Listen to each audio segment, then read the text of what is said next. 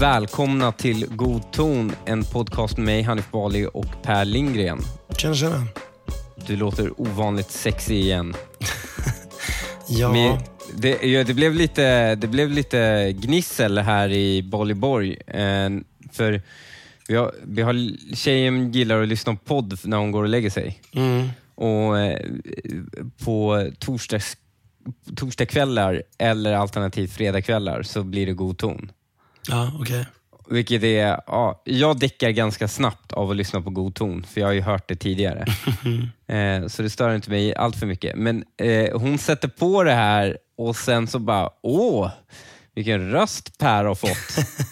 eh, det är ju det bästa som har hänt honom och jag gillar inte sättet hon säger det alltså. Nej, jag har Så- fått, eh, jag har fått eh, reaktioner från tanter. De säger att jag har en intressant röst och sen så får de en väldigt intressant blick.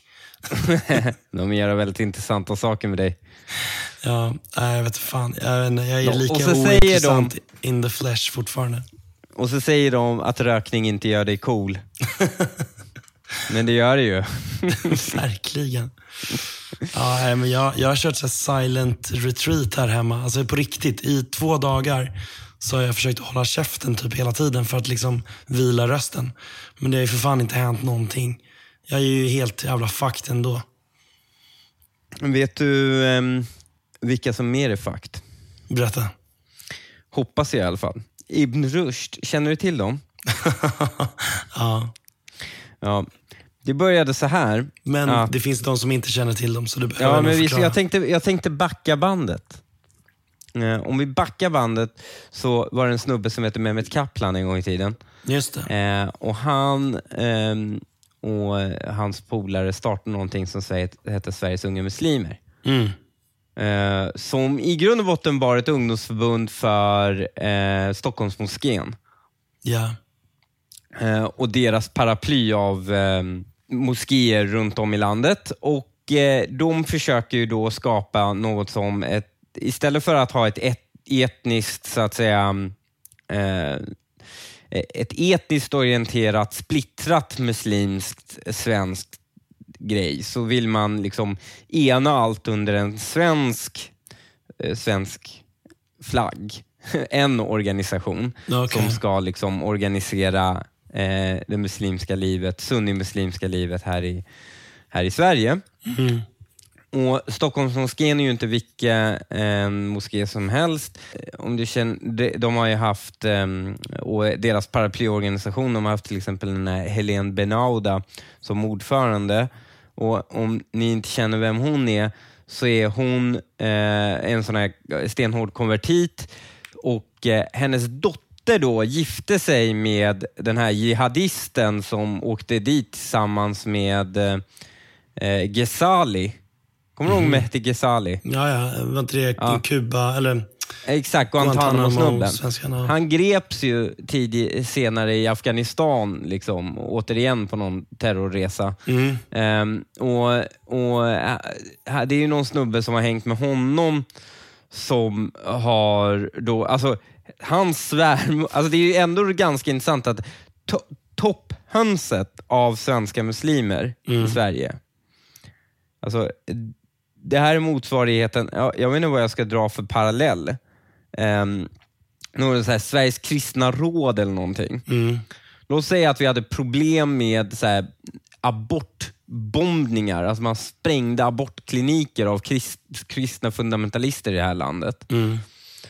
Och sen Sveriges kristna råds svärson ertappas gång på gång åka på så här, äh, resor till så här, ja, men, amerikanska södern när de lär folk att, att bygga bomber. Liksom. Det här är motsvarigheten. Och Fan, alltså jag kommer ihåg stämningen för övrigt, alltså, runt den här mäktige Sali. Alltså, jag, jag är ju ändå liksom, jag är ju för rättssäkerhet och så vidare. Och liksom jag, jag tycker att man ska liksom upprätthålla rätts, rättssäkerhet även för as och så vidare.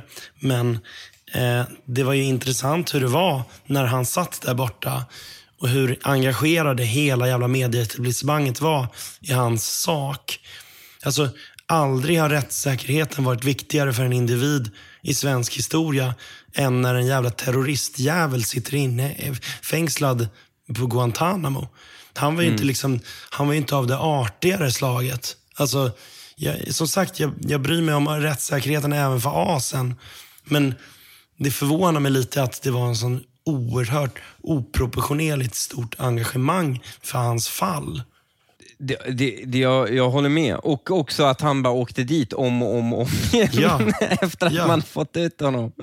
Han liksom tre gånger mellan 2007 och 2010 gripits i olika länder misstänkt för samröre med islamsk terrorist, den här Ja. Monir Awad. Ja, alltså han, han grips ju på platser där liksom så här, du är inte där om du inte är terrorist. Liksom. Så han, alltså första gången var i, av kenyanska styrkor i Somalia eh, tillsammans med sin 17-åriga gravida flickvän Safia Benauda. Mm. Eh, och sen 2009 greps han i Pakistan tillsammans med Safia igen. Eh, och Mehdi Ghezali. eh, och de påstod sig att de var i Pakistan ehm, och, eh, för att delta på en konferens efter att ha varit pilgrimsresa i Saudiarabien. Mm.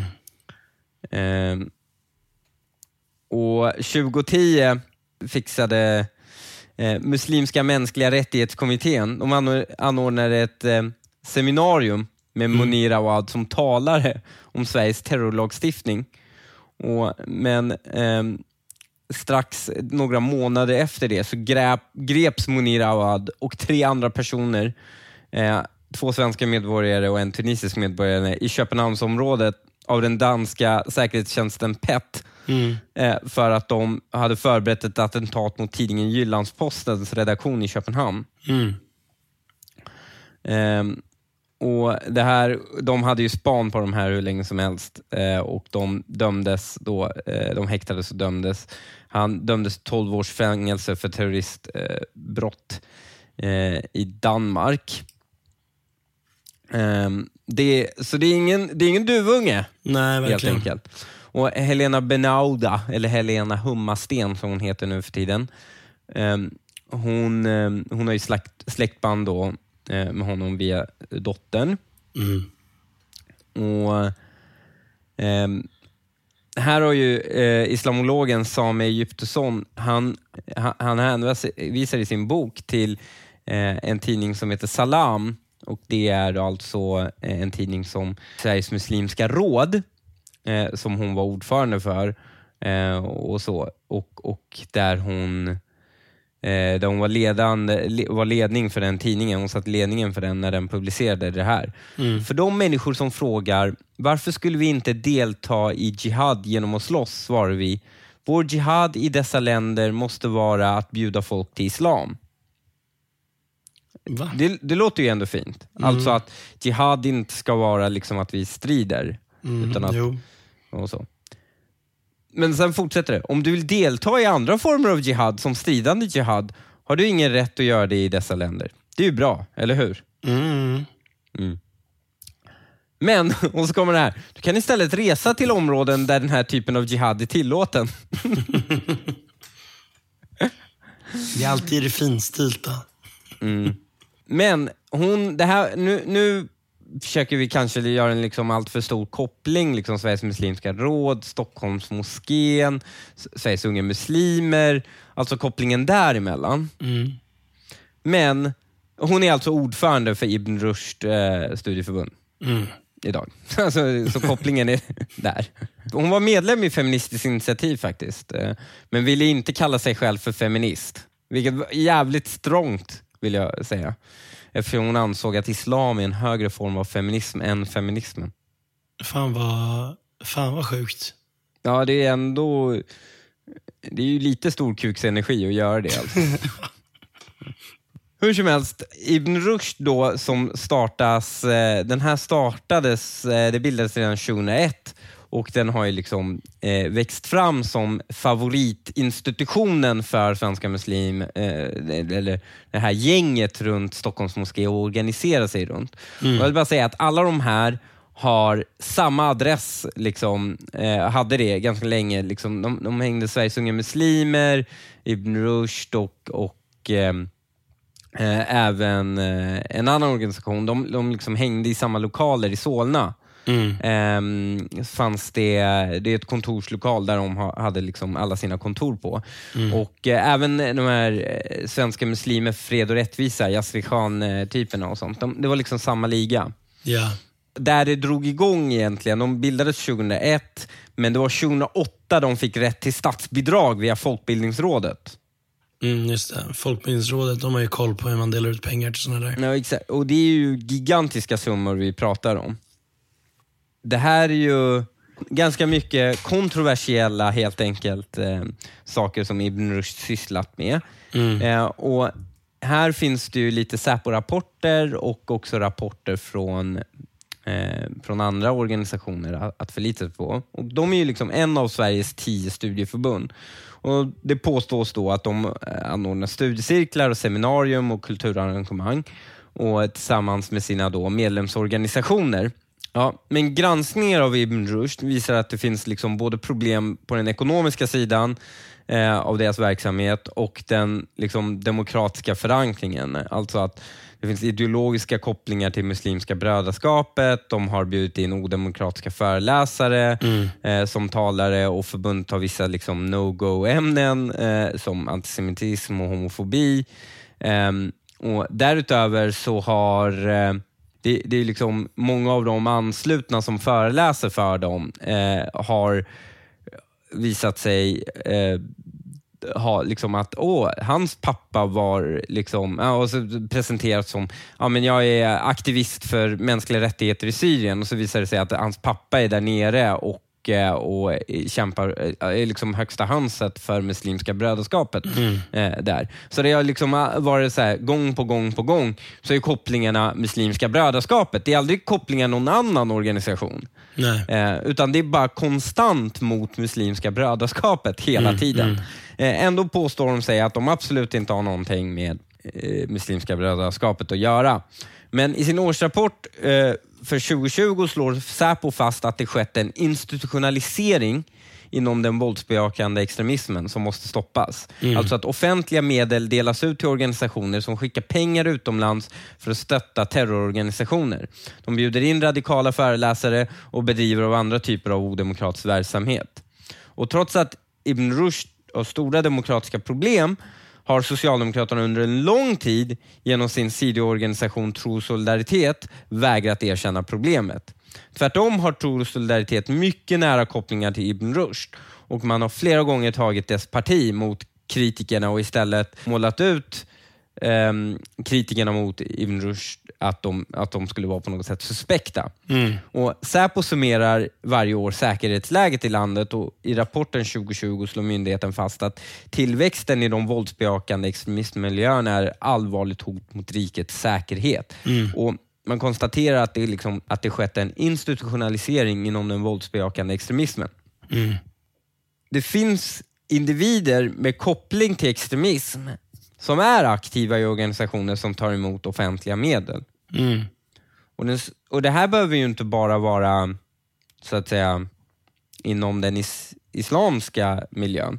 Men problemet är som störst just nu inom den våldsbejakande islamska miljön. Mm. Och, och man, jag vågar påstå, när det både kommer, när det kommer till vänstern och till eh, den högerextrema våldsbejakande extremismen så är myndigheterna någorlunda mycket bättre på att identifiera det än när det sker från, på den islamska miljön. Um, och Det är svårt att uppskatta liksom, omfattningen till stödet för organisationer med kopplingar till extremistmiljön på grund av bristen på transparens. Men Säpo uppskattar att det rör sig om flera hundra miljoner varje år som betalas ut. Mm. Eh, och En viktig slutsats de kom med är att staten och kommunen inte ska finansiera verksamheter som stöttar, som inte uppfyller demokrativillkoren. Ja, precis. Och Här blir det en konstig grej, för varje gång kommuner, och jag har varit med om det, jag har varit i kommuner där man vill, där man vill instifta ett demokratikriterium för att dela ut pengar till föreningar och sånt. Mm. Då slår vänstern, alltså liksom från sossarna och vänstern, de slår rent bakut. Alltså de blir helt galna när du vill ha ett demokratikriterium. Mm. Är inte det sjukt? Ja. Det... det här är alltså partierna som vill grundlagsfästa public service för det är hot mot demokratin. Att vi skulle ha liksom, eh, eh, ka, liksom en annorlunda mediasituation i det här landet. Men de har alltså inga problem att dela ut pengar till organisationer som inte fyller, uppfyller alltså ett basic demokratikriterium. Mm. Eh, och Granskningar av Ibn Rushd visar att det finns liksom frågetecken kring dess demokratiska förankring. På uppdrag av Folkbildningsrådet genomförde Erik Amnå, professor i statsvetenskap, en granskning av Ibn Rushds demokratiska trovärdighet. Eh, och jag blev faktiskt intervjuad av honom, mm. eh, med, nämligen den kritiken jag hade gentemot Ibn Rushd. Och han slog i sin redovisning fanns, eh, fast att det fanns brister på flera punkter. Förbundet, och det är främst tre punkter då. Förbundet har engagerat föreläsare med demokratifientliga åsikter mm. för att eh, oemotsagda delta i olika sammankomster. Förbundet undviker att hantera värderingsmotsättningar och värderingskonflikter som är centrala i den demokratiska samhällsutvecklingen. Mm. Eh, antisemitism och homofobi är no-go-zoner helt enkelt. Eh, Makten över verksamheten är i långa stycken fördelad inom ett begränsat mansdominerat nätverk och som förhindrar demokratisk organisering och jämställdhet. Det är ett gäng snubbar mm. helt enkelt. Mm. Och Det är samma gäng snubbar som drev SUM en gång i tiden innan de blev tvungna att lägga ner för att de blev av med sina bidrag. Mm. Och Nu har de hittat en ny så att säga, tutte att suga på. och Magnus Ranstorp Mm. Han är ju forskare vid Försvarshögskolan. Han konstaterar att Ibn Rushd har tydliga kopplingar till Muslimska brödraskapet. Mm. Eh, och att stöd till förbundet är stöd till islamism. Och Ibn Rushd har en lång tid finansierat verksamheter och talare som är antisemitiska och som uppmanar till våld. Mm. Även Svenska kommittén mot antisemitism har flera gånger kritiserat Ibn Rushd för att bjuda in antisemitiska talare till sina engagemang. Myndigheten för samhällsskydd och och beredskap konstaterar att Ibn Rushd har bjudit in föreläsare som stödjer våldsbejakande extremism. Whoopsie daisy! Mm. Självklart är det ren slump att det har blivit så. Och Därutöver finns det ett omfattande ekonomiskt fusk med statsbidragen till studieförbunden. Eh, experter menar att det nuvarande systemet för utbetalning att det är bortom kontroll. Alltså det är bortom all räddning och måste ja, göras om från grunden. De har haft en gynnsam löneutveckling. Eh, absolut. Eh, därutöver, så inte nog med att de har missbrukat statsbidragen och genom att bland annat söka stöd för arrangemang som aldrig genomförts och de har blivit ålagda att betala tillbaka delar av stödet. Mm. Så förutom det så är det ett problem med bedrägerier också med skattepengar. Mm. Nämligen att eh, och det här Magnus Ranstorp, som vi har haft med på podden, han konstaterar att den bristande kontrollen gör att stöden kan utnyttjas av kriminella och antidemokratiska grupperingar. Och Det här vet vi, det har ju varit avslöjande på avslöjande på avslöjande, där det kommit fram till att eh, massor av studiecirklar, och inte bara Ibn Rushd, utan andra studiecirklar, fifflar med pengarna som fan. Mm. Um, Ja, det, är, det är rätt eh, tragikomiskt där, om hur många som ska vara engagerade i deras förbund. Alltså, det är alltså- så sjudubbelt befolkningen. Liksom. Ja, men alltså då, då, Säpo säger så här, den, vi håller på att institutionalisera den islamistiska miljön och det är hundratals miljoner i bidrag som gå, går till dem. Mm. De säger inte vilken organisation. Nej. Samtidigt finns det bara en organisation som tar emot hundratals miljoner kronor. Okej? Okay? Som återkommande, så att säga, att det fuskas med och att de har kopplingar liksom, till en, en våldsbejakande miljö. Mm. Och jag, jag, vågar, jag vågar påstå att de aldrig uttryckligen är våldsbejakande. Förstår du vad jag menar? Mm, vadå, hur menar du? De är liksom förstadiet till våldsbejakande. Ah. Förstår du? Mm, mm. Det är lite som um, Um, men det, det, är lite som de som så ideologiskt preppar dig för att bli nazist, men de ger dig inte själva vapnet i mm. handen. Mm. Det är liksom Hitlerjugend innan så att säga, du går med i SS. men, mm.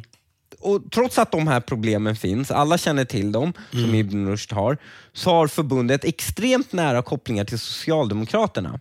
Mm. Och Det är genom partiets sidoorganisation Tro och solidaritet. Ja, precis. Trosolidaritet, som kallades för brödraskapsrörelsen tidigare, vilket är otroligt roligt. För Bara för att, att, bara för att är, du tänker på Muslimska brödraskapet? eller ja, men, brö- alltså, eh, eh, Muslimska brödraskapet heter Ikhwan, alltså i, på arabiska. Det betyder bara brödraskapet. det är otroligt, de har samma namn! Herregud, gör kopplingen helt enkelt. Eh, över flera års tid så har ju liksom Tro Solidaritet konsekvent tagit Ibn Rushds sida i sammanhang där studieförbundet ifrågasätts. Mm. Och Nalin Pekgul, som är tidigare socialdemokratisk eh, riksdagsledamot, hon är troende muslim, eh, säger att hon under sin tid i partiet hade väldigt svårt att få gehör för sina varningar om islamism i partiet. Och hon menar att Socialdemokraterna eh, brett har svårt att handskas med islamism i Sverige och att tro och solidaritet är den största olyckan för partiet när det gäller islamismen. Här är ett citat från henne. Hon är mycket kritisk till att det betalas ut statligt stöd till Ibn Rushd och hon menar att eh, om man vill ha separata samhällen, att de vill ha det. Mm. Och Jag tycker vi ska gå igenom ett ex, eh, liksom lite exempel på hur Trosolidaritet agerar som det politiska organet, lobbyorganet för Ibn Rushd. Mm. Så i februari i år beslutade Göteborgs stad med stöd av nästan samtliga partier i kommunfullmäktige, bortsett från MP och V, att Ibn Rushd ska nekas det så kallade volym och målgruppsbidraget från Göteborgs stad om knappt en miljon kronor. Mm. Det är alltså jävligt mycket pengar. Det är en miljon kronor. Beslutet motiverades eh, alltså eh, både med, på grund av liksom, problem med den ekonomiska förvaltningen och den demokratiska trovärdigheten i Ibn Rushds verksamhet. Mm. Ehm, och Det fick då Mattias Irving, ordförande för eh, Hjärta, Tro Solidaritet Stockholmsavdelning, att skriva en artikel i ETC. I den kritiserar han beslutet och säger att det är dags att syna den lilla grupp in, med inflytelserika antimuslimska röster i Sverige. Och Han pekar särskilt ut då Magnus Ranstorp, forskare vid Försvarshögskolan. Ja, och han skrev ju precis i samma ämne i GP sen. Eh, på precis samma tema. Vilket, alltså Ranstorp skrev en replik eh, till den. Det måste vi komma ihåg att- länka till eh, hela den, det replikskiftet. Ranstorps replik till den, den GP-texten var något av det bästa jag har läst alltså på, på riktigt länge. Jag, han körde över den här Mattias Irving med en jävla ångvält. Det var det sjukaste jag sett. Och här är ju liksom... Eh, det, finns, det finns så att säga fler exempel. Ett exempel är till exempel att Tro och Solidaritet påstår att krig, kritik av Ibn Rushd är antimuslimsk propaganda. Och Ja. Sami Egyptsson som är doktorand vid teologi i Lunds universitet har utifrån, utifrån sina studier då varnat för den radikala islamismen ganska länge och har i det sammanhanget, som jag tidigare sa, kritiserat Ibn Rushd. Men som svar på den här kritiken har Anna Ardin, jag vet inte om du vet vem det är, Ja, men jag är sämst på namn. Alltså, jag jag Ja. vet att jag har hört det. Ja, men det är hon som pekar, ut- pekade ut Julian Assange. Som, Ja. eh, det är ju de som hade bjudit in henne. Och, och eh, Hon har ju då blivit präst eh, och, eh, och är styrelseledamot i Tro Solidaritet. Och hon har liksom misstänkliggjort Egypt- Egyptssons motiv och påstått att han bedriver antimuslimsk, antimuslimsk propaganda med hemlig finansiering eh, i en serie av tweets som hon senare tog bort. då. Mm. Eh, där är ju bara, den automatiska reflexen här, kritiserar du Ibn Rushd, då kommer tro solidaritet efter dig. Det är aldrig Ibn Rushd som behöver försvara sig, utan det är Socialdemokraternas tro solidaritet. Det är Socialdemokraternas broderskapsrörelse som alltid kommer försvara det muslimska brödraskapet. Det är aldrig så att säga, muslimska brödraskapet behöver aldrig kritisera, de behöver inte gå ut och, och försvara sig. Eh, och Här är till exempel Anna Ardin också styr, fortsatt. Så hon skrev eh, i mars ett inlägg på sin blogg där det handlar om de tio stegen på väg till ett folkmord. Och enligt henne befinner sig Sverige på trappsteg nummer sex av tio. Jag Det nuvarande sjätte trappsteget utmärkas av en tilltagande polarisering. Ett uttryck för den här polariseringen menar Ardin är Göteborgs stad beslut att neka Ibn Rushd finansiering. Hon Mm. Det, skriver... är liksom, det, det börjar med att man, bara, man vill inte ge pengar till Ibn Rushd. Nästa steg är folkmord. Ja, ja, ja, helt ärligt. Hon skriver att extremister hjälps åt att tysta mitten.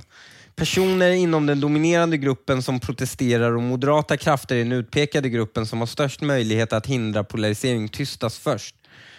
Eh, och Det är exakt vad som händer när Ibn Rushd i Göteborg eller MP målas ut som extrema trots att de inte alls är det. Eh, Det är alltså eh, liksom... Eh, det- Detsamma gäller till exempel Tro solidaritet eh, eh, när de försvarar Omar Mustafa. Jag vet inte om du kommer ihåg, ja. 2013 Ja, så fick han lämna Socialdemokraternas partistyrelse Mm. Efter att hade, eh, han valdes in snabbt. Liksom. Han var då ordförande för Hjärta, då det här var Mm. Mattias Irving har tagit över. Mattias Irving som är den största snöflingan också som existerar på den här jorden. Jag tror han, jag tror han blev, han, alltså han är Sveriges mest, så att säga, lättaste blockfinger som finns. Han, han blir kränkt över vad som helst, vilket är helt otroligt. Ehm, men den här mannen, eh, han, Omar Mustafa hade hans tidigare jobb, nämligen ordförande i Hjärta, Tro och Solidaritets Stockholmsavdelning. Och Expo publicerade uppgifter som visade att han i sin roll som ordförande i Islamska förbundet bjudit in antisemitiska talare. Och Islamska förbundet, som i sin tur tillhör den europeiska paraply- paraplyorganisationen Federation of Islamic Organizations Europe, som grundades 18, 1989 av Muslimska brödraskapet. Mm. Alltså där, ju- det, det, där har du ju liksom bara rakt upp och ner. Alltså det, där är det, eh, liksom kopplingen är så solid så att Ja. sossarna bara, äh, men du måste lämna partistyrelsen. Men då rasade ju världen för eh, Ulf Bjäreld bland annat. Ja, men alltså det, det, det är så... Ett, men de petar ju honom på grund av antisemitismen, Ja. såklart. ja. Eh, och vad de borde petat honom var just kopplingen till Muslimska brödraskapet. För jag menar antisemiter, Ja, okej. då Jag måste de tror- ju jag utesluta att- hela Malmö. Vad fan. Ja, okej. ja, men jag trodde faktiskt att det bidrog, men det, det har du nog rätt i. Att det var nog antisemitismen. Ja. Det var antisemitismen, det var ingenting med Muslimska brödraskapet. För att det finns ju hur många se- som helst som är engagerade i Islamiska förbundet och eh, Ibn Rushd och alla de här organisationerna och som också är engagerade i Socialdemokraterna. Där ser inte Socialdemokraterna något som helst problem. Nej, det är så jävla sjukt.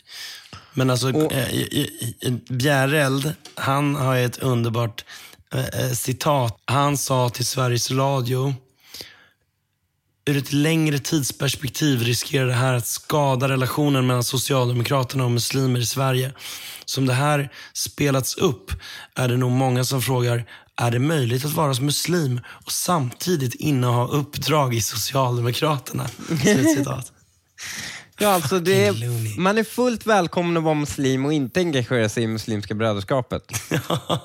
Eh, jag vill bara informera alla som, om någon är tveksam kring om det är möjligt, kan jag säga att det är fullt möjligt.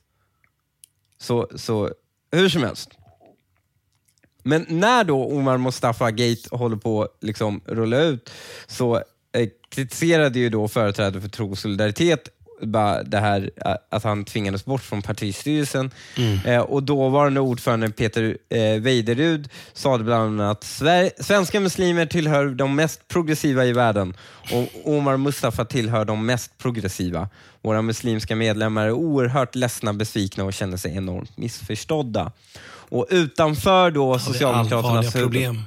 utanför Socialdemokraternas huvudkontor så hölls det en muslimsk manifestation till stöd för honom. Och En av dem som stod då och manifesterade då och var intervjuades var ju Sara Kukka Salam. Sara Kukka Salam blev senare kommunalråd för Socialdemokraterna i Solna där då de här organisationerna har sitt huvudkontor. Det är ju lite... Och hon i sin tur idag är ju ehm, eh, eh, är, är idag engagerad i, i Tro och solidaritet. Mm. Så det var, it goes bara round, round, round, round, round. Så, vad händer efter att Omar Mustafa lämnat Socialdemokraternas partistyrelse? Ingen aning. Han blir ju såklart förbundschef i Ibn Rushd. det är en roll han alltså hade i sex år. Och Trots att han var tvungen att lämna Socialdemokraterna så hade han ju ett nära, nära samarbete med partiet. För när han ledde Ibn Rushd var två av styrelseledamöterna i Hjärta, Tro Solidaritet Stockholms avdelning, också verksamma i Ibn Rushd. Alltså, ja. De är ju experter på det här. Alltså att ha så här 15 stolar de liksom sitter på och bara snurrar mellan. Ja, Och Tro Solidaritet, de vill stoppa extremismen. Men vilka vill de göra det tillsammans med? Ibn Rushd. Några år efter att Omar Mustafa fick lämna då partistyrelsen i Socialdemokraterna när han var förbundschef för just då Ibn Rushd, så skrev han en debattartikel med, gissa vem? Anna Ardin, Ja, styrelseledamot för Tro Solidaritet. Temat för artikeln, skriven på årsdagen av terrorattacken eh, på Utöja och mot bakgrund av terrorattackerna i Frankrike var att kampen mot extremism och därför skulle det vara viktigt att aktivera civilsamhället i det arbetet och det var just då Ibn Rushd som skulle aktiveras och få pengar för det här. Det gjordes en ganska intressant undersökning bland eh, jihadister som eh, man hade fångat i, eh, runt om i världen. Mm. Och Det visade sig att ungefär eh, var det, var det 50-60 procent av alla jihadister började sitt islamska engagemang via Muslimska brödraskapet. Och sen tog det vidare därifrån. Mm. Muslimska brödraskapet är en gateway drug till tyngre jihadism. Ja, och då, då har liksom sossarna hittat ett trappsteg precis där under och det heter tro och solidaritet. Liksom. Ja, exakt. Men nu, nu, nu är ju Tro Solidaritet och Ibn Rushd, de är på samma... Alltså de har gjort så himla mycket saker tillsammans nu. Det är samma trappsteg. Det är samma trappsteg. Nej, det är vidrigt. Och det är det som är ganska intressant också, för Mattias Irving skrev ju, du pratade ju om det tidigare, Mattias Irving plötsligt, från ingenstans, så skedde det en så här massiv attack från vänstern mot eh, Ranstorp. Mm. Och det är ganska intressant. Varför skedde den här attacken? Det var delvis Mattias Irving och sen var det någon journalist på Aftonbladet Kultur eller vad det var. Kan ju inte ha haft någonting med den här rättsprocessen att göra. Och Det har såklart med rättsprocessen att göra, för det är ju, just nu pågår det ju en rättsprocess mot alltså det här med att eh, eh, Göteborgs socialdemokratiska kommunalråd, som de då petade, Soffan, Mm. hon kallade några människor ur, du vet den här organisationen som bjöd in Munir Awad att vittna om, du vet precis innan han skulle gå och göra det här terrordådet i, i, eh, liksom, i, i, Danmark. Så var ju den här organisationen som bjöd in Munir Awad för att föreläsa om hur fruktansvärt terrorlagstiftningen är. Och hur det kränker muslimer. Den organisationen, människorna som leder den organisationen kallade hon för extrema. och Det har blivit ett, så att säga, ett förtalsmål och, och eh, massa sånt av. Och Magnus Ranstorp är ju expertvittne i, det, i den domstolen. Och vilka är det då som vill skjuta ner honom? Jo, det är eh, Tro Solidaritet med Irving och några andra som, den här journalisten då som försökte granska då, alltså det var ett tafatt försök till eh, karaktärsmord. Där man försökte ge sig på hans vetenskapliga liksom, eh, kredibilitet. Eh, något som sågades. Liksom. Alltså, men då visade det sig att hon, eh, den så kallade frilansjournalisten, hon har kopplingar till en av dem som är part i målet. Eh, och eh, Ren slump såklart. Hon driver ett företag tillsammans med en av dem som är part i målet. Eh, och här är ju liksom, här ser man ju hur vänstern, i en bredare bemärkelse, den aktivistiska vänstern, krokar arm med muslimska extremister bara för eh, och sågar all form av expertis, eh, attackerar via, Eh, eh, via lawfare, via politik, via opinionsbildning och bara försöker attackera ja, men, karaktärsmörda så många på vägen som möjligt för att hjälpa sina islamistiska bröder. Men jag måste säga att jag, jag, jag gillar ju att trosolidaritet finns. För att alltså sossarna har under så jävla lång tid haft en helt unik förmåga att liksom samla människor till sitt parti och sin rörelse i det här, i det här landet. Men de här jävlarna är ju så jävla så här in the face vidriga. Så att liksom, här blir det ju så här, så att det här måste ju gemene man se hur vidrigt det är. Så att liksom, det, man får ju liksom inte, man får inte kväva den här rörelsen helt. De behövs ju för att visa hur, vidrigt, hur vidrig rörelsen i sin helhet är. De är, ja, är den bästa reklamskylten för det. Ja, det så, men jag, alltså jag förstår inte vad sossarna håller på med. Alltså jag skäms ögonen ur mig varje gång jag hör, um, vad heter han? Eh, Abdirizak Waberi. Mm. Varje gång han nämns så skäms jag. Mm.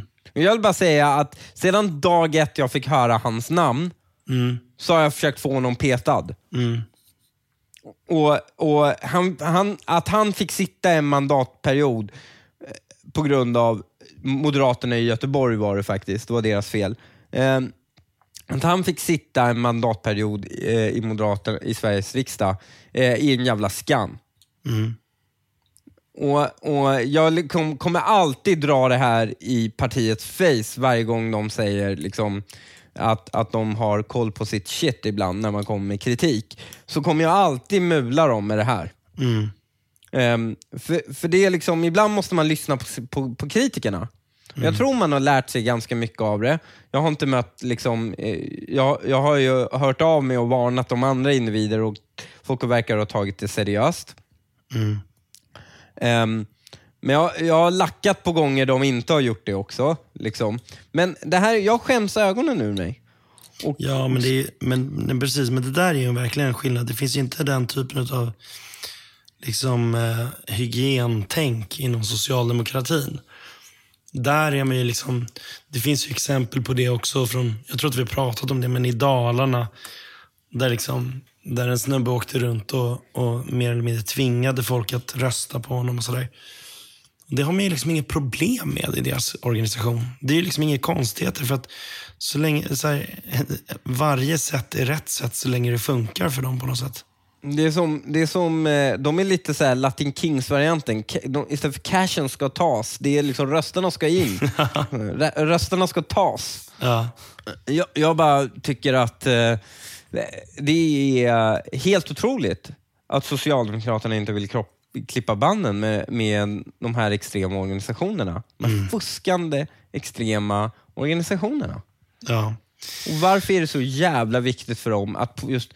Ja, det här är också varför är det så himla viktigt för Socialdemokraterna att ha kontakt med den just den muslimska delen av, av, eh, av samhället? Jag menar, det är inte lika viktigt för dem att ha kontakt med den kristna delen av samhället. Nej. Varför är just den muslimska delen så himla viktig för Varför vill de att det muslimska civilsamhället ska organiseras via statsbidrag? Vad tror de det uppfyller för syfte? Och det här är jag vet också... inte, alltså jag skulle väl gissa att Eh, muslimer är i hög grad människor som bor i utanförskapsområden och de är eh, fattiga och det är liksom inte kulturellt svenskar så det är på något sätt lätt att dammsuga upp dem i de områdena. Så det är en bra väljarbas. Ja, kanske. Kanske. Så det är bara röster till vilket pris som helst? Ja. Och det är genomvidrigt. Alltså det, ja, visst är det. det, är, det är så genomvidrigt. Eh, de borde skämmas för I tisdags kom en eh, tingsrättsdom som är ganska intressant. Eh, och Då ska man väl kanske börja med att säga det att alltså, tingsrätten är underinstans, så det är liksom inte alls omöjligt att den här domen kommer överklagas till hovrätten och att man där gör en annan bedömning. Men jag tycker ändå att den här domen är intressant och att den kanske kan liksom funka som en tankeställare för vissa. Um, för, alltså så här, min, min, min uppfattning är att våldtäktsmän mm. de, de, de åsamkar större skada till samhället och, och till liksom fler människor än till bara offren och till offrens anhöriga. För liksom deras handlingar, de sprider liksom oro bland kvinnor generellt. Mm, mm. Alltså jag ska inte tala då för kvinnor liksom generellt egentligen, men, men min uppfattning är ändå att alltså när man pratar med olika tjejer och kvinnor så, så får jag ändå liksom uppfattningen att de, de präglas i hög grad av rädslan för att bli våldtagna. Alltså man vidtar mm. olika försiktighetsåtgärder. Man, liksom, man inrättar sina liv efter den oron. Alltså, du vet, håller nycklarna i handen när man går hem på kvällen. Man, man har rutiner där man liksom ringer till varandra när man har kommit hem så att ingenting har hänt. och sådär. Man håller koll på glaset när man är ute på krogen så att man inte blir drogad. Allt det där. Ja, det är, det är väldigt liksom... handlings, så att säga, dirigerande. Ja, exakt. Och det är ju våldtäktsmännens liksom Eh, jag ska säga, den vidare kretsen av de som blir skadade av, av de här gärningarna. Och, och det är ju liksom, det är sorgligt att många kvinnor lever med den oron. Även liksom så här, oavsett eh, om man liksom kikar på statistik hur osannolikt det är att bli, bli liksom våldtagen så är det ju ändå så att den oron är ju liksom en verklig del av många människors liv. Mm. Och Utan att på något sätt jämföra allvarlighetsgraden eller sådär mellan de här två olika situationerna så menar jag att det finns en, det finns en viss våldtäktsoro som män har också. Men den är omvänd. För män och killar präglas av en oro för att bli falskt anklagade för våldtäkt. Mm -hmm. Alltså jag kan inte säga att det finns liksom samma uppbyggda struktur av, av åtgärder liksom så som kvinnor har liksom i förhållande till våldtäkt. Men min upplevelse är att jävligt många killar lever med en rädsla för att bli falskt anklagade för våldtäkt. Mm. För det är liksom ett sånt jävla skräckscenario. Alltså en sån anklagelse kommer i alla lägen ge att vissa tror på den, oavsett hur osann den än må vara. Ja. Så liksom metoo handlade ju framförallt om att en massa kvinnor hade farit illa och i stora delar så var ju liksom det här, jag vet inte om du håller med mig, men jag, jag tycker att det var en positiv rörelse i många delar. Men sen så var det också betydande delar som var helt vidriga med den här liksom mobbmentaliteten och sådär. sådär. Och en sak som var vidriga under, under metoo-rörelsen var de falska anklagelserna. Mm. Och Jag känner massor med människor som under den här perioden var, var jävligt rädda för att bli falskt anklagade. Alltså för att när man är en offentlig person, särskilt när man är en politiker liksom där hela ens karriär bygger på förtroendekapital. Då kan ju en falsk våldtäktsanklagelse det förstöra hela ens karriär. Och, och mer än det, alltså, man kan bli lämnad av sin fru, man kan liksom, alltså, vänner tar avstånd från en och sådär. Och så liksom är det i grunden falskt då. Så det, det, det en falsk våldtäktsanklagelse gör är dels potentiellt raserar den anklagades liv och dels så urholkar den trovärdigheten för de kvinnor som verkligen har blivit våldtagna. Mm. För liksom vetskapen om att det finns de som anklagar män för att ha våldtagit dem, men, men, men som ljuger, ger ju att vissa sanna våldtäktsanmälningar möts av liksom en, en, en felaktig skepsis. Och Det är, liksom, det är som ett andra övergrepp på de kvinnorna. Så de kvinnorna som, som, som det ju företrädesvis är, då, som falskt anklagar män för våldtäkt, de borde hatas av hela samhället. För det ja. de gör är liksom ett, ett helt avskyvärt brott. Dels mot mannen de anmäler och dels, eller, eller liksom som de anklagar. Och dels mot alla kvinnor som faktiskt har fallit offer för våldtäkt. Eh, men ändå så är det så att vänstern väljer att titta åt andra hållet. Alltså, många förnekar att det finns kvinnor som falskt anklagar män för våldtäkt. Enligt någon slags så här, omelettlogik. Alltså, för att göra en omelett måste du kläcka några ägg. Liksom. Mm. Och männen, blir, männen som då liksom blir falskt anklagade, de får helt enkelt offras som liksom som kläckta ägg på grund av vinsten som omeletten utgör. Alltså att verkliga våldtäktsmän hängs ut eller åtalas eller, eller döms eller sådär. Och det här rättsfallet handlar om ett sånt fall. Det handlar om ett Facebook-inlägg från den 7 december 2018. Då skrev en kvinna ett långt inlägg. Och Det här inlägget inleddes med orden citat. Först nu orkar jag berätta. Först nu vågar jag dela denna berättelse i hopp om att kunna varna allmänheten för en mycket sjuk och farlig individ. Slutcitat.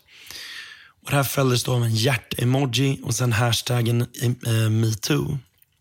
Och sen så då följer den mest häpnadsväckande historien om ett brutalt sadistiskt övergrepp. Det ska liksom ha använts piskor och pistoler. Och den här mannen ska alltså ha misshandlat och pistolhotat att eh, kvinnan liksom, i samband med att han, han förgrep sig på henne. Och Sen ska han då ha gjort sig skyldig till övergrepp i rättssak när han kom ut ur häktet genom att ringa och säga saker som att hon skulle passa sig. Och Plus att så nära vänner och anhöriga till henne ska ha utsatts för allvarliga brott i form av knivhugg och skottskador bland annat. Och I det här inlägget eh, får hon även med att han misstänktes vara smittad av en allmänfarlig sjukdom när övergreppen skedde. Oj. Och, eh, I ett stycke skriver hon så här. Citat. Jag är ärligt livrädd för hur detta kommer mottas. Vare sig det handlar om vänner, bekanta, följare eller folk som inte känner mig alls har jag aldrig velat betrakta, bli betraktad som ett offer. För det är jag inte. Slutcitat.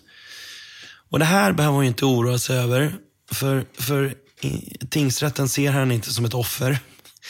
Eh, det här inlägget det avslutas med citat. Se gärna min berättelse som ett exempel att ta lärdom av. För trots rättsväsendets försök att lagföra personen i fråga och trots att så många andra vågat berätta om vad de varit, vad de varit med om går han än idag fortfarande fri. Slutcitat. Och Vad som då har hänt är eh, i det här fallet det är att i september 2017 skickade den här kvinnan EA eh, hon skickade ett sms till den anklagade mannen PA. Och De bestämde då att EA och två andra kvinnor skulle komma hem till PA. Och under den här natten så hade de alla fyra sex. Och Dagen efter så anmälde EA och en av de andra kvinnorna PA för våldtäkt. Och Den anmälan den upprättades 25 september 2017. Den 2 februari 2018 la polisen ner förundersökningen eftersom det inte längre fanns anledning att fullfölja förundersökningen eftersom det på det befintliga bevismaterialet inte gick att bevisa att PA gjort sig skyldig till brott. Och Polisen angav också att ytterligare utredning inte kunde antas för, förändra bevisläget på ett avgörande sätt och att det saknades stödbevisning för målsägandenas berättelser. Alltså, det är ju ganska många ord för att säga att den här snubben har inte gjort det. Mm. Och EA begärde i januari 2020 omprövning eh, men åklagaren beslutade att inte återuppta förundersökningen. Så den här snubben går fri helt och hållet. Alltså det blir inte någon rättegång ens. Liksom. Men eh, tingsrätten hade eh, i det här fallet, eh, de, de hade liksom inte att avgöra ifall något övergrepp hade skett. Alltså, utan den bedömningen gjordes under förundersökningen. Där landade man i att något övergrepp har liksom inte skett. Utan, utan vad de hade att ta ställning till är ifall hennes Facebook-inlägg, ifall det var förtal. Eh, men det lite lustiga i det här är att liksom sanningshalten i påståendena blir ändå i viss mån relevant när det kommer till förtal. Eh, jag ska komma till det. Men, men tingsrätten hade då att de, de hade att avgöra om uppgiften hon lämnat eh, har varit förtalsgrundande. Och om man kommer fram till att uppgiften varit förtalsgrundande så ska man eh, titta på om hon har varit skyldig att lämna uppgiften eller om det varit försvarligt att lämna uppgiften. Och ifall tingsrätten skulle finna att uppgiftslämnandet varit försvarligt, då ska tingsrätten pröva om uppgiften varit sann eller om det funnits skälig grund för, för uppgiften. Och ifall uppgiften i det läget har varit sann eller om skälig grund har funnits, då eh, ska hon frikännas. I annat fall ska hon dömas. Och Tingsrätten går i tur, i or, tur, turordning igenom liksom hela den här kedjan. Man finner till att börja med att hennes inlägg i kombination med, med hennes kommentarer till inlägget när folk skriver. Så där, hon liksom länkar till olika Flashback-trådar och artiklar där, där mannen pekas ut. Och liksom, hon, hon anger hans personnummer och, och liksom adress och massa sådana grejer. Allt det ger sammantaget att inlägget är förtalsgrundande uppgifter. Mm. Och Ingenting tyder på att hon har varit skyldig att lämna de här uppgifterna. Och Då hamnar man då i frågan ifall, hon, ifall det har varit så att hon, det har varit försvarligt att peka ut honom som våldtäktsman.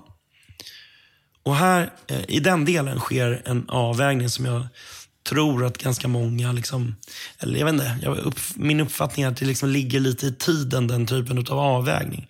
För det här handlar liksom om balansgången mellan, mellan å ena sidan yttrandefriheten och å andra sidan individens skydd mot kränkande uttalanden och uppgifter.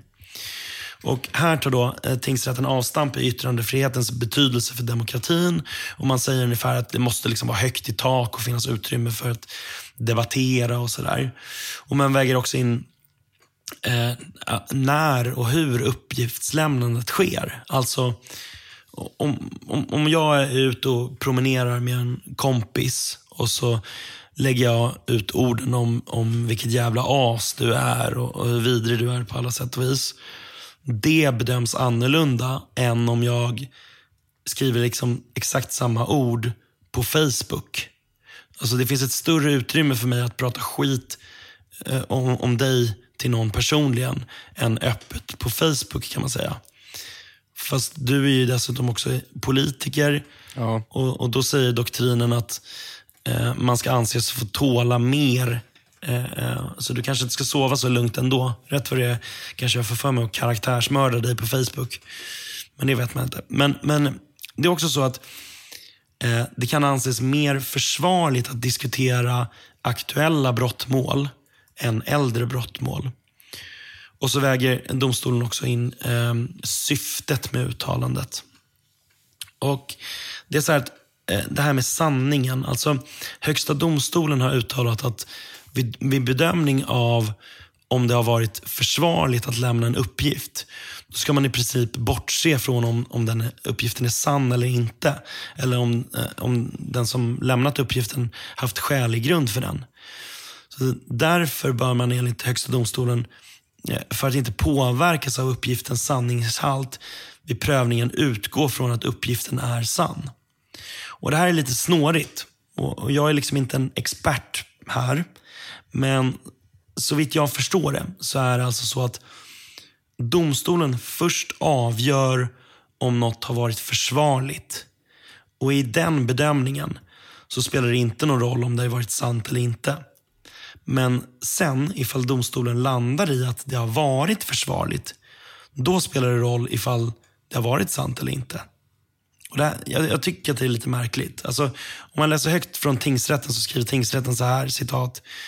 Kommer tingsrätten fram till att uppgiftslämnandet varit försvarligt ska tingsrätten pröva om uppgifterna varit sanna eller EA haft skälig grund för dem.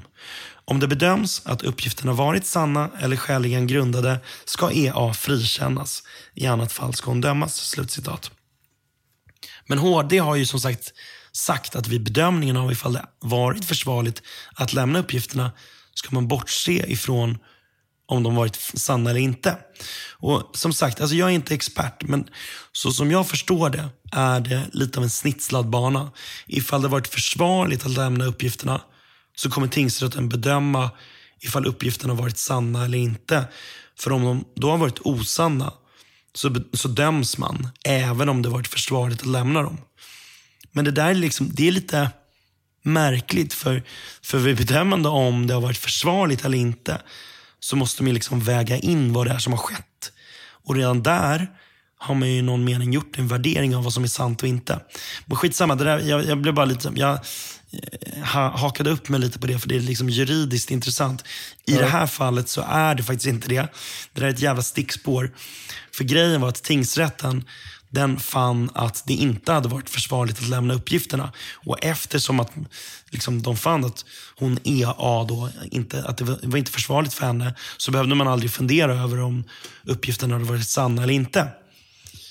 Men, men ändå, i ett stycke så tycker jag ändå att tingsrätten är och snuddar vid frågan om det hon säger är sant eller inte.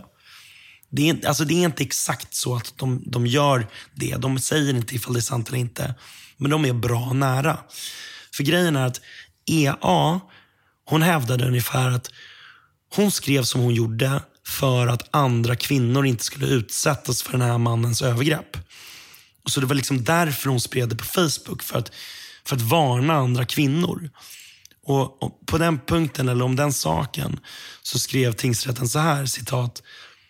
Tingsrätten konstaterar att när EA publicerade de texter som hon åtalas för hade det gått cirka 15 månader från det påstådda brottet och förundersökningen hade lagts ner cirka sju månader tidigare. Någon akut fara för andra kan inte ha förelegat. Slutcitat. Och jag menar att det här resonemanget vilar på antagandet att det här målet lades ner eftersom det inte var sant. För nog 17 kan en våldtäktsman tänkas våldta även efter alltså, sju månader efter en förundersökning mot honom har lagts ner. Mm. Så faran skulle ju absolut kunna vara överhängande ifall det var så att förundersökningen lades ner felaktigt. Men i alla fall, då, så, eh, alltså, tingsrätten de, de, alltså, de gick inte explicit in på frågan om sant eller osant. Utan istället gick de vidare till att avgöra ifall det här var grovt förtal. Och, eh, eller bara vanligt förtal om man säger så, eller för, förtal av normalgraden. Och då landade man i att eh, det var grovt förtal. Och det var det hon dömdes för. Okej, okay, varför är det här så intressant nu tycker jag? Jo, men alltså dels så är det ju liksom eh, för det jag säger om det här med, alltså det jag inledde med att eh, liksom alltså vikten av fördömandet av de här lögnarna. För det, är liksom, det här är inte de som är skyddsvärda eh, kring våldtäktsproblematik eller våldtäktsfall. Det är inte de här asen som, mm. som hon är. Det är inte de som är skyddsvärda. Och varför är det här särskilt aktuellt just nu? Jo, för den här kvinnan är den kvinnan som senare har anklagat Göran Lamberts för våldtäkt.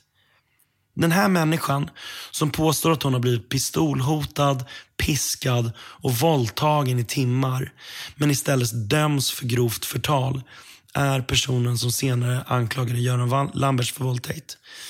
Alltså, I samband med att Göran Lamberts satt häktad så kom uppgifter fram om att den här kvinnan har anmält flera andra för våldtäkt.